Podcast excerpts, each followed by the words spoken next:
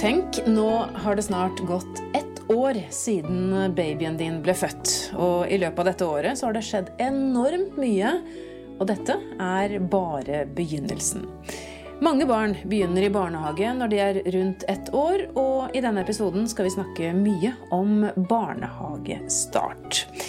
Jeg heter Karine Næss Frafjord og har som vanlig med meg barnelege Siv Helen Obrestad Watz, som jobber på Stavanger universitetssykehus. Hva kan du si om ettåringen, Siv Helen? Ja, ett år. Gratulerer med en ettåringhus, må jeg si. Det er jo en veldig kjekk periode du er nå i møte. Ettåringen er jo en veldig nysgjerrig og utforskende eh, ja, et barn som er veldig nysgjerrig og utforskende. Og de fleste ettåringer har nå eh, den motoriske utviklingen og de nye motoriske ferdighetene som barna har oppnådd. Bl.a. det å krabbe, det å kunne sette seg opp, det å kunne reise seg til stående. Og noen, for noen da, ta sine første steg. Det har gjort at barnet sin eh, aksjonsradius og at barnet har en mye større handlingsrom for å utforske. Og det betyr mye for barnet, for da har barnet mulighet til å utforske miljøet ut fra egne intensjoner og eget initiativ.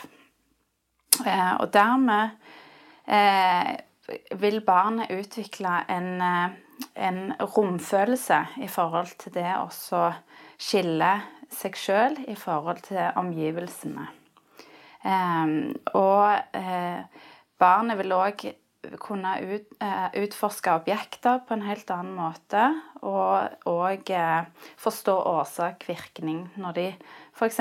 står inntil en sofa og kaster en, en, leke, og den faller i gulvet.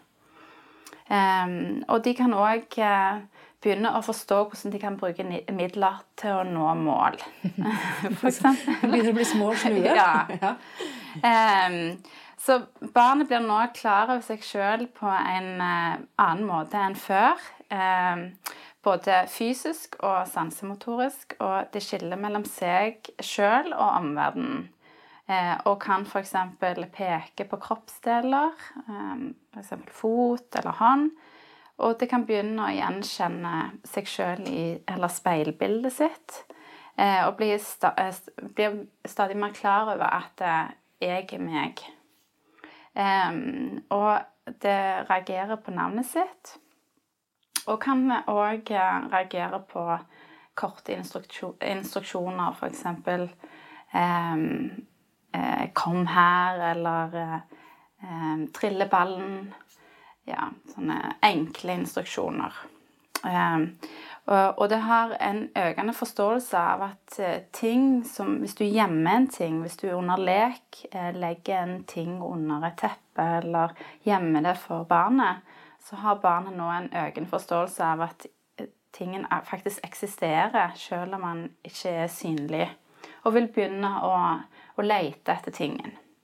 Og det er veldig sånn karakteristisk for et, en ettåring.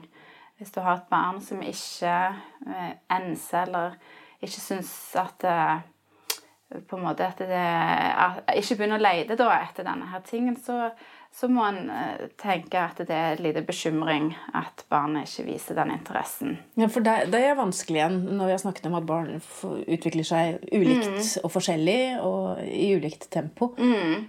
Og det er jo den forståelsen at hvis eh, mamma går inn i et annet rom, så vil barnet nå mer og mer forstå at, barna, eh, at, mamma er til stede. Det er bare at hun er inne i et annet rom.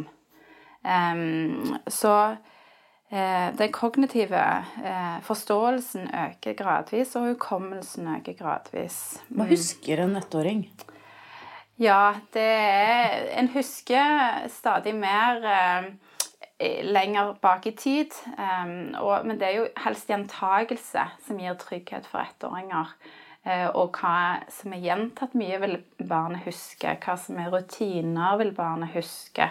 Eh, så hvis du eh, Hvis barnet forventer en ting når det blir satt til bordet, så vil barn på en måte At et måltid kommer, så vil barnet vise interesse for, for det som skjer.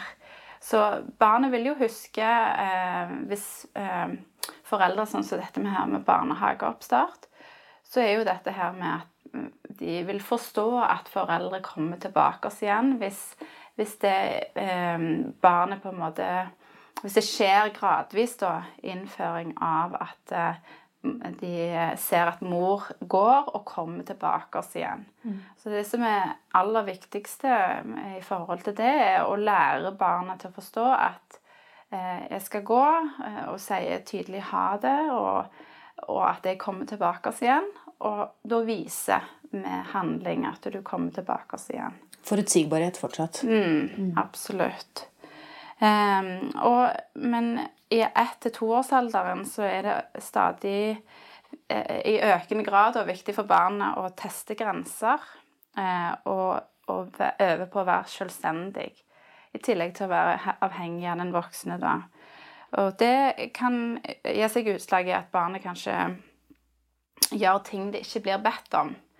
Eh, og det barnet vil nå forstå ordet nei og det å ikke bruke det for ofte er jo ganske eh, essensielt, egentlig. For hvis du bruker ordet 'nei', bruker du det på en måte opp litt. Eh, og barnet vil teste de grensene med at det Hvis du sier 'nei', ikke kaste det ut der, så vil det prøve å kaste tingene ut for å se hva reaksjon det får.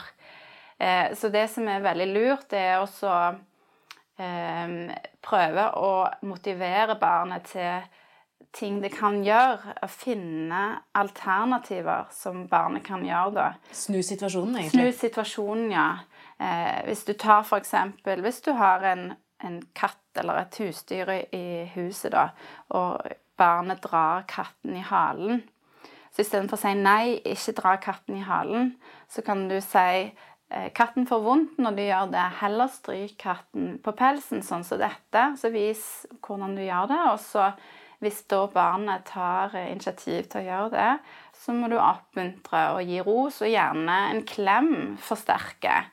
Eh, ikke bare ord, men handlinger forsterker denne her positive eh, driven da, til at barnet eh, Barnet ønsker jo positiv oppmerksomhet, først og fremst. Men hvis det ikke får den positive oppmerksomheten, så vil det ha negativ oppmerksomhet. Du, når du sier det på den måten, så får jeg litt sånn assosiasjoner til de som får valper og går på valpekurs. ikke ja. sant? Da, men, men, jeg tenker det, det går ikke noe kurs for, for nybakte foreldre. Eller for foreldre. Man burde kanskje hatt et kurs i, ja. i forhold til det du forteller nå. For det er jo ikke alt som er like intuitivt for oss i en travel hverdag å huske på. Nei. Og det blir jo fort at en, en eh, slår hardt ned og uh, sier nei, og hvis en ikke har tid til å Eh, sette seg ned og på en måte ja, være i barnets Se barnets perspektiv, da. Hva barnet ønsker å oppnå. Så, så er det fort gjort at en bare eh, avviser barnet. Men vi har jo et alternativ til kurs, og det er jo Spedbarnsboken, eh, som Babyverden gir ut, og som du eh, også skriver i. Ja. Så vi kan jo kanskje anbefale å ta en ekstra Som, som du kaller Bibelen? Ikke bare jeg, men det er, Nei, det, er, det, er mange, det er, mange, som gjør det. Eh, og den boken er jo egentlig en veldig god følgesvenn gjennom hele det første året, eh, syns jeg. Eh, hvis, man, eh, hvis, man, lurer på noe. Ja. ja. Og når barnet er ett år, så er det jo veldig stolt over de tingene det får til. Så barnet vil jo ofte eh, på en måte være meddriver til å se hva jeg eh, liksom vise, se hva jeg klarer å få til. Og barnet kan nå f.eks. klappe i hendene. Og eh, hvis det da får til noe det syns var veldig kjekt, så ofte at barnet klapper for seg sjøl. Og det kan være kjekt å klappe sammen med barnet og liksom muntre det opp til å utvikle seg videre.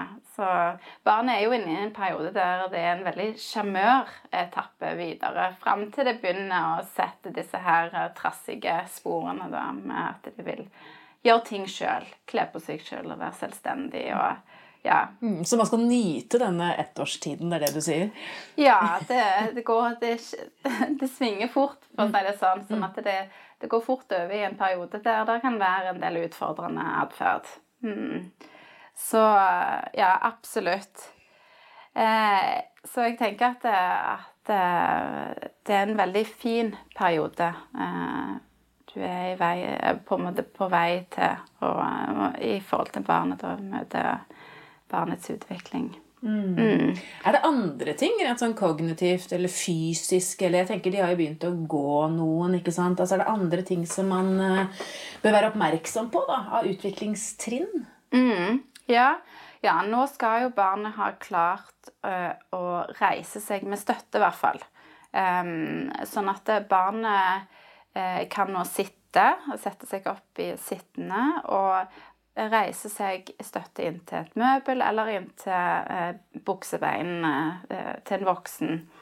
Eh, og eh, når det er da i stående stilling, så, så, vil jo barnet få økende og økende balanse i forhold til at det klarer etter hvert å, å rotere rundt i stående stilling. Og eh, slippe én hånd for å, å strekke seg etter ting. Og eh, det som er mer utfordrende, er jo å reise seg fra, fra eh, fri. Altså at, du, at, de sitter i huksitten, f.eks., eller reiser seg over noe som heter halvt knestående. Altså du løfter den ene foten opp for å reise deg fritt uten støtte. Eh, og det er, kommer gjerne seinere, når barnet har øvd på å stå inntil, inntil et møbel eller inntil noe det kan støtte seg til. Eh, og eh, gjerne de som klarer det å reise seg fritt, de er mer stabile når de begynner å gå. Men barnet begynner som regel å gå eh, litt sånn Det er helt tilfeldig, egentlig, at barnet som regel ønsker også så De er så opptatt av å nå en ting, eller de Uten at de bevisst tenker at de skal gå, så tar de noen steg, og så, så oppdager de at oi, jeg er på vei eh, frittgående. Så eh, ja. Den første tida er jo egentlig mest for å trene opp balansen. Og når barnet da begynner å gå, så er det en ganske sånn breibasa gange, som sier. For det er for å ha best mulig understøttelseslag da, for å holde balansen. Og armene gjerne høyt oppe. Og at de treffer hele foten i underlaget. Altså det er lite fotavvikling. Og fotavviklingen kommer først når de er ett og et halvt for de første som begynner å gå, og er litt seinere etter hvert. Hvis du er seinere og begynner å gå. For det, vi sier jo at det, eh, det, er først når barnet er 18 måneder at vi begynner å bli bekymra hvis de ikke har tatt sine første steg. Så i forhold til motorisk så, så er det jo et stort spekter. Og du skal ikke være bekymra hvis du ser at ditt barn fremdeles bare eh, krabber rundt. Det vil ofte utvikle krabbingen veldig eh, At de blir veldig effektive krabbere. da, og, og, vil kanskje bruke lengre tid på å finne den eh, eh balansen når de er stående. Eh, og da når de først begynner å gå, så de, har de en større balanse eh, og blir raskere til å få et mer smalspora gange.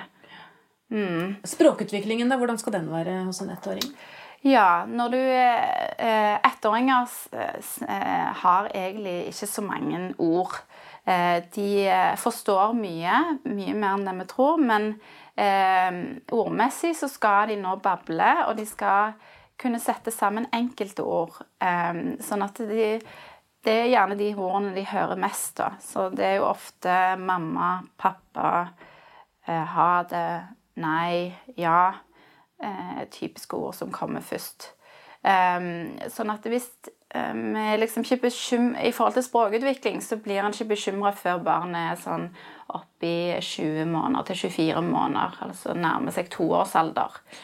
For at det, det, er så mye som skjer fra ett til to år, så er det veldig mye som skjer i forhold til um, den vokabulæret og hvor mange ord som, som, produseres. Og så kan man jo minne på da, hvor viktig det er å lese bøker både for og med barna. Absolutt. absolutt. Du må liksom bade barnet i ord. Eh, at du eh, beskriver hele tiden hva du holder på med. Du beskriver hva barnet holder på med. Gjerne i hverdagslige situasjoner når du kler på barnet. F.eks. si at nå tar vi på den rosa genseren, eller nå er den buksen her, den er blå eller den eh, Ja, beskrive. Og òg beskrive mm, følelser til barnet er veldig viktig for det å hjelpe med å regulere barnets eh, tanker rundt følelser. Og beskriver eh, på en måte at du eh, eh, At barnet får et inntrykk av at du ser eh, hvordan barnet har det. Eh, så jeg tenker det eh, å beskrive ting, men samtidig òg ikke minst lese sammen med barnet. Barnet er jo veldig interessert i bøker nå i denne perioden. Og spesielt bøker med, med bilder, men òg litt tekst. Og da er det veldig fint å ha pekebøker, for barnet er nå inne i en periode der det bruker pekegesten veldig mye. Og eh, eh, bruker den aktivt til å vise hva det er interessert i, og hva, eh, ja, hva det har fokus på. Eh, og da kan en gjerne, hvis barnet prøver å lage ordlyder eh, eh, Bruker ofte sånne eh, im- imitasjoner til dyrelyder, da. Eh, og hvis du da ser en bok der det, barnet kanskje sier bæ, eller peker på en sau, så må du bekrefte med ja, det er sauen som sier bæ. Sauen liker å spise gress, f.eks. Utvide det du, du eh, Det som på en måte du ser i boken.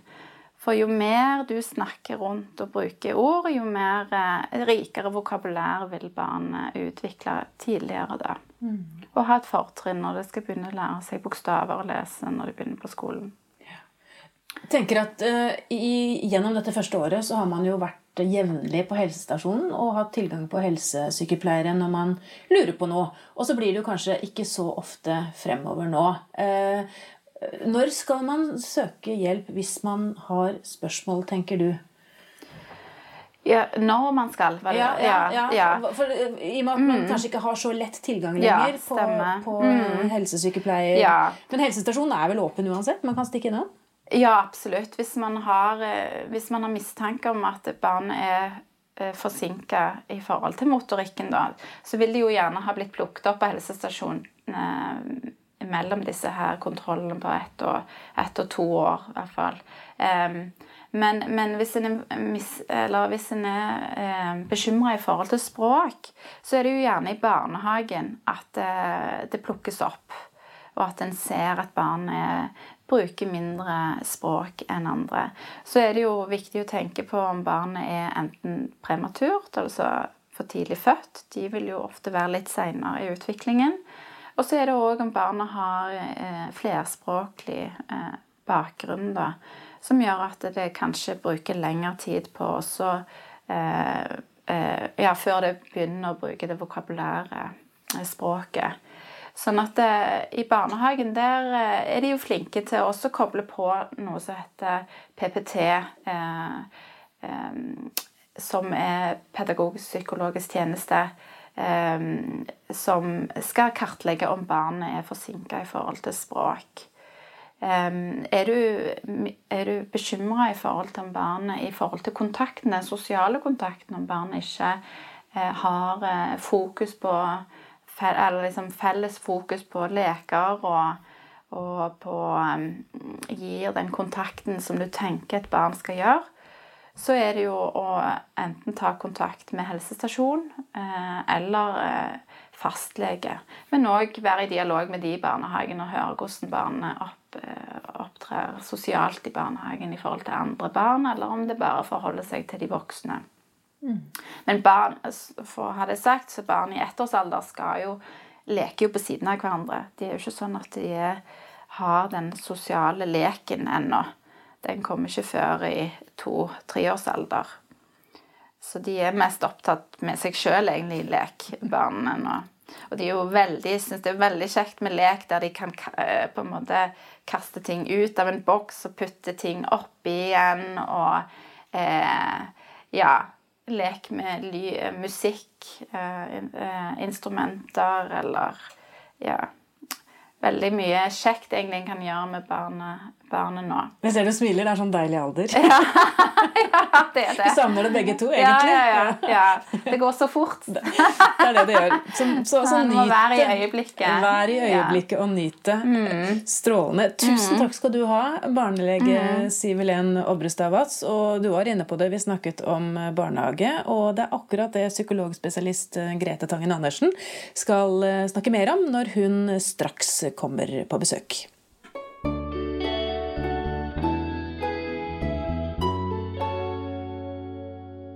Ja, Psykologspesialist Grete Tangen Andersen ved BUP i Stavanger. Barn skal, eller Veldig mange barn begynner jo i barnehage når de er tolv måneder, eller rundt et år. Hvordan er det for en ettåring? Ja, altså Det er i hvert fall en helt annen livserfaring de får når de da skal ha avstand til foreldrene som har vært hjemme med dem, og de skal oppholde seg vekke over en tidsperiode de sjøl ikke har begrep om. Og Hvis vi bare tenker på barn Hvordan er en ettåring? Hva er en ettårings behov? Fordi det kan fort bli litt sånn motsetninger mellom voksnes behov, barns behov. Ja, For de begynner jo i barnehage fordi mor og far skal jobbe. De skal begynne å jobbe. Ikke sant? Så det er de voksnes behov som Da er det de voksnes behov som går på tid. Hvis en tenker barnets utvikling, så er det jo soleklart at et barn på ett år optimalt sett skulle kunne regulere avstanden til foreldrene sjøl. Det å lære å gå litt ifra, komme tilbake. Og jeg har hørt foreldre si ja, ja, ja, det gikk så fint og lekte. og holdt øye med meg hele tiden. Så tenkte jeg ja, fordi du er jo den trygge basen. Det er jo du som er utgangspunktet for den, det å tørre å utforske. Så Derfor så den innføringstiden, når foreldrene er til stede, kan jo oppleves positiv for mange. Fordi at de ser at eh, barnet klarer seg. Men så kommer liksom den dagen hvor du skal gå. Og da er det jo sånn at en ettåring de har jo ikke utviklet språk sånn at det er lett å formidle hva dette er. Mm. Og du kan slett ikke formidle hva type opplevelse de skal ha av det. Og de har jo ingen tidsopplevelse, klokke Eller egentlig er det ikke lett å si eh, mamma eller pappa eller den som skal hente det, kom etter frukten, f.eks. De har ennå ikke noen sånne knagger å henge det på. Så det blir en sånn veldig åpen situasjon. Og det er klart når en har sett på det og forsket mer på det, så ser en at ettåringene i barnehage er, er stresset. Ja, de er det. Ja. Og når en observerer barn som begynner i barnehagen, så kan en se barn som har vært mye mer utadvendt og blide, og kanskje i en periode i hvert fall blir mer kan være lei seg, veldig påpasselige, prøve å følge med. Og, og, litt sånn som de aldri har trengt å gjøre. Så de, jeg tror kanskje ikke barnehagen er et behov for en ettåring. Men den må være god nok til å møte de behovene de har. Og da tenker jeg det med nærvær av en voksen, det med trøst og det å og Det går jo litt på det som er dumt i barnehager i dag, at de, redus, de, reduserer hvor mange voksne på barn. Men her er det i hvert fall enormt viktig at det er voksne som overtar. Så tydelig den omsorgen barnet skal ha i den tiden. At barnet opplever det som tryggest mulig, i hvert fall. For det er ikke helt deres behov, og de vil uansett bli utsatt for noe de ikke forstår. Hvor er den personen blitt av, og hvorfor kommer de ikke? Jeg tror vi kan tenke oss inn i en situasjon hvor vi ikke klarer å se for oss at tiden går. Og vi vet jo sjøl at følelser kan spille inn på tidsopplevelse. Så da kan en føle seg ganske stresset. Så det du egentlig sier, er at hvis man har mulighet, så bør man utsette barnehagestarten? Ja, jeg tenker jo at en burde det. En burde det til barnet kanskje har mer utbytte av å være i barnehage. Når er ideelt, altså Dette er en kjempevanskelig diskusjon. fordi ja, det det. Folk må jo jobbe, tjene penger, i hvert fall de fleste av oss. Ja. Uh, og jeg kjenner jo litt på dårlig samvittighet, fordi jeg, begge mine barn begynte tidlig i barnehage. Ja? Uh, men de har klart seg godt, da. Jeg må jo si det. I hvert fall sånn relativt. men, men uh, ideelt sett, når bør barn Eller når tenker du at mm. barn er klart da, på egne premisser? Ja, på egne premisser så tenker jo jeg at hvis de har et ja, Språket må gjerne være enkelt, men at det er litt mulig å formulere noe som de sjøl husker. Så har de jo disse bøkene med bilder av familie. Og så går det på hvor lenge skal de være der. ikke sant? Og det er jo den gamle kravet en hadde før, sekstimersdag for småbarnsforeldre, hvor en tenkte at det er noe med det å være både barn og småbarnsforeldre som gjør at de bør få et tilbud i forhold til arbeidsliv. Så jeg tenker kunne vært mye bedre.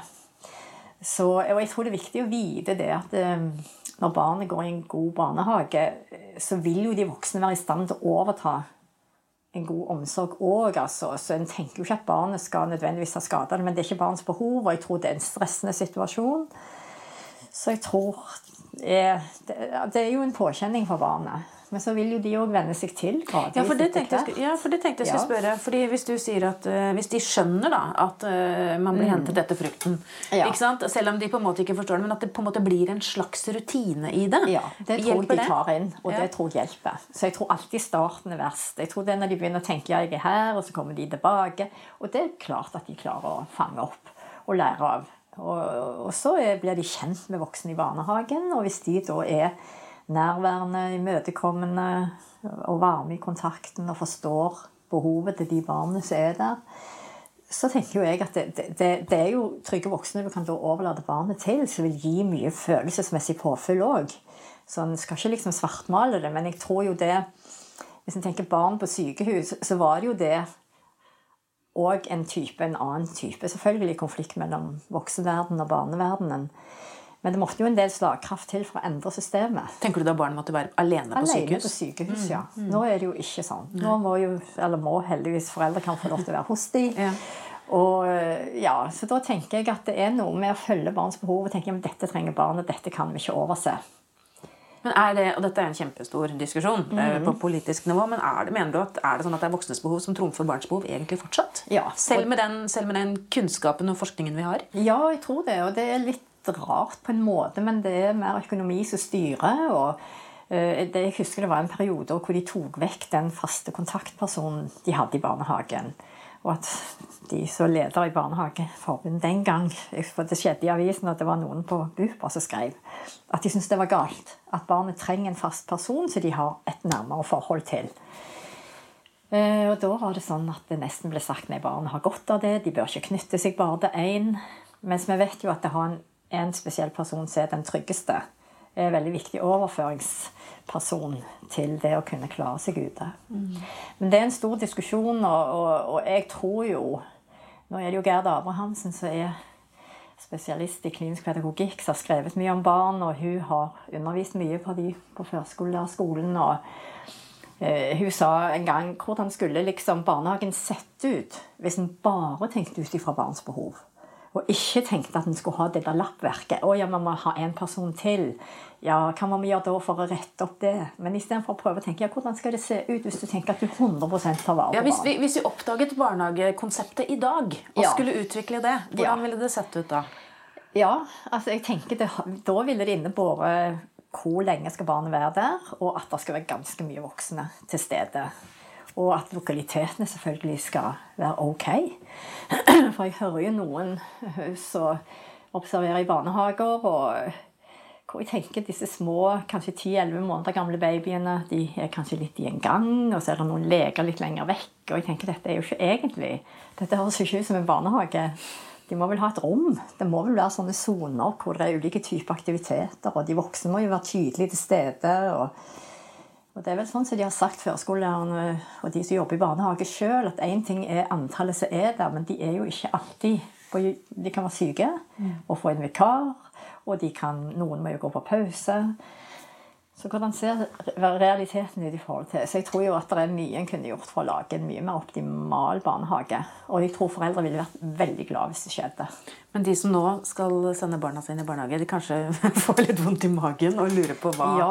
hva, hva er det jeg gjør med barnet mitt? Men eh, det er jo ikke alle som, som, har muligheten til å være lenger hjemme. Sånn, sånn er på en måte livet. Mm. Eh, hva kan man da gjøre for å trygge barnet mest mulig? Ja, så jeg tenker jo litt av det Selv om barn ikke har et sånn veldig tydelig utviklet språk ennå, så snakker du jo til dem sier nå skal du være her, og så kommer mamma tilbake. og altså En prøver å bruke språket så godt en kan. og har jo Den innføringen den må jo være såpass hva skal jeg si, lang at de blir litt kjent. Men Er ikke den fast? Er ikke det sånn, jo, her er det tre vi, dager. Ja, noe sånt, Eller kanskje ja. opptil en uke på noen barnehager? Ja, ja. ja. Og det, det, er jo selvfølgelig litt kort tid, og jeg hører jo at noen kan komme hvis de har et barn til i samme barnehage, at de kommer kanskje med på frokosten, og at de får til en litt annen type innføring. Jeg tror bare det er en vanskelig tid for foreldre, jeg det er en vanskelig tid for barn den tilvenningen. Men vi snakket litt om rutiner. Hjelper det at hvis man er veldig bevisst på at når man f.eks. henter, når ja. man leverer, sånn at barna får en forutsigbarhet? Jeg tror det er kjempeviktig. At en lager rutiner, og at en vet nå kommer foreldre, og de Ja, og òg i tilknytning til kanskje til rutiner i barnehage. At en får det til. Mm.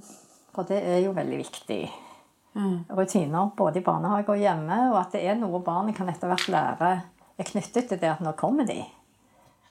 Og, ja. Nå har jeg spist bananen og frukten Ja. min, nå kommer mamma eller Ja, pappa ikke sant? snart. Da kommer de snart. Og så kan en si det høyt samtidig. Det tror jeg er kjempeviktig. For vi har jo snakket om det at det passive språket er jo mer utviklet enn det aktive språket. Og jeg tror baby eller lite barn på 11-12 måneder fanger jo det opp på et vis. Og jeg tror de forstår at de kommer tilbake, men jeg tror tidsopplevelsen gjør det vanskelig òg.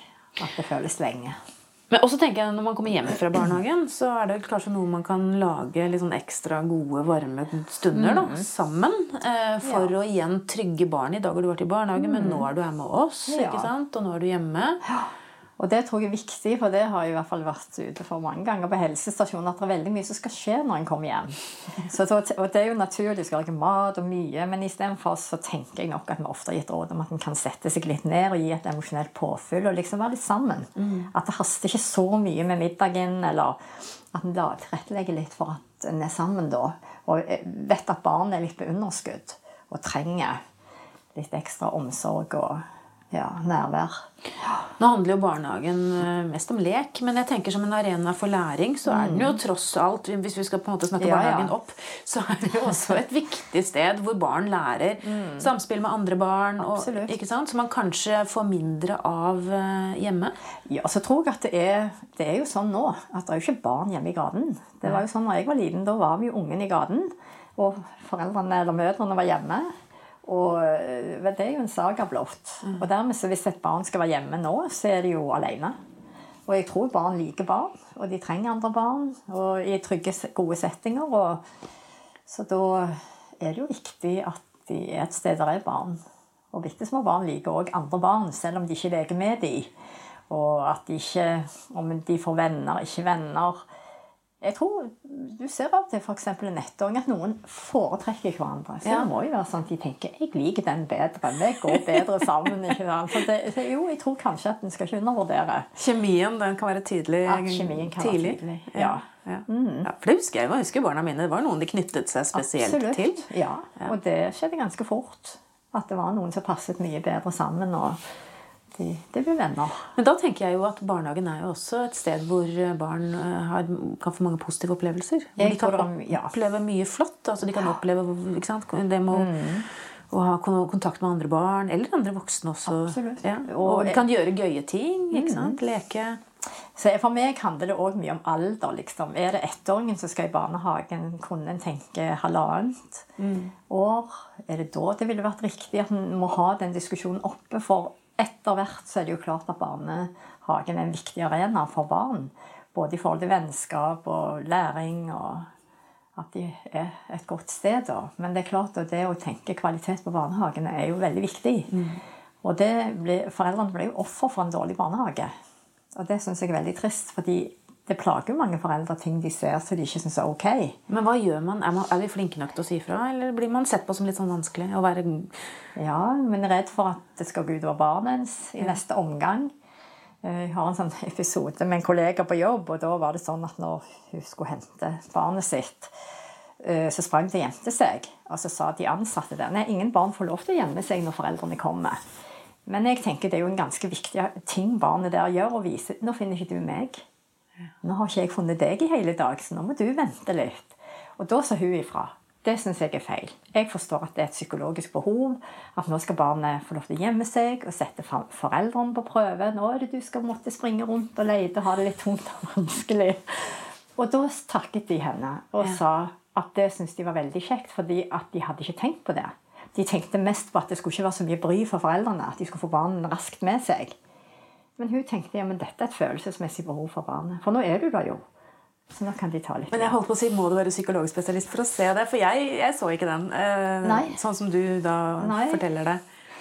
Eh, Jeg tror ikke du trenger å være det, og akkurat hun var overlege. Men, men, ja, men der var du bevisst, tenker jeg. Jeg tror du blir bevisst Ja. det, og du blir bevisst at lek har et innhold. Mm. Og at det med hjemmelek handler om å bli borte og komme tilbake. Og det begynner barn med ganske tidlig, i 8-9 måneders alder. Så slipper de tingene på gulvet, du tar det opp til de. Og det lærer barn at det som går- er borte, det kommer tilbake. Så får de den tryggheten, og de gjør det mens det ennå er det nærværet. At ingen har gått bort ennå.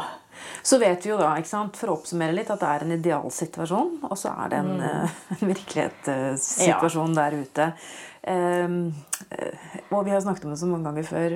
Man tar vel ikke ska, altså, tar barn skade av det? For jeg prøver liksom gi litt, Ja. litt uh, bedre samvittighet til de da som skal uh, ha barna sine tidlig i barnehagen. Jeg- Meg selv inkludert. Ja, ikke sant? Men jeg tenker nei. De tar ikke skade av det. Det skal mye til at et barn tar skade av en ting. Og så, så jeg tenker mer at en må tenke kvalitet.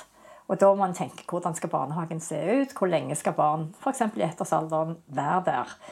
For eh, i det store og hele så møter de jo voksne som er imøtekommende og prøver å ta vare på så godt de kan. og Og som er utdannet til det. er utdannet til og kan. Og, og Derfor så tenker jeg at eh, det er liksom heldigvis ikke snakk om den veldig negative situasjonen at de tar skade av noe.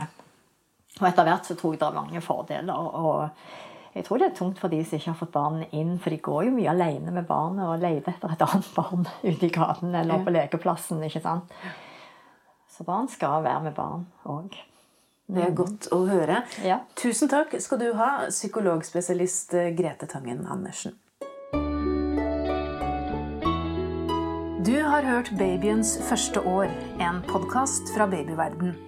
Lurer du på mer om hva som skjer med babyen din, eller har spørsmål rundt foreldrerollen, så anbefaler jeg deg å laste ned Babyverden-appen, eller gå inn på nettsiden vår babyverden.no, hvor du finner tusenvis av kvalitetssikrede artikler om nettopp babyer. Jeg heter Karine Næss Frafjord. Takk for at du hørte på, og jeg håper du vil følge oss videre i babyens utvikling måned for måned.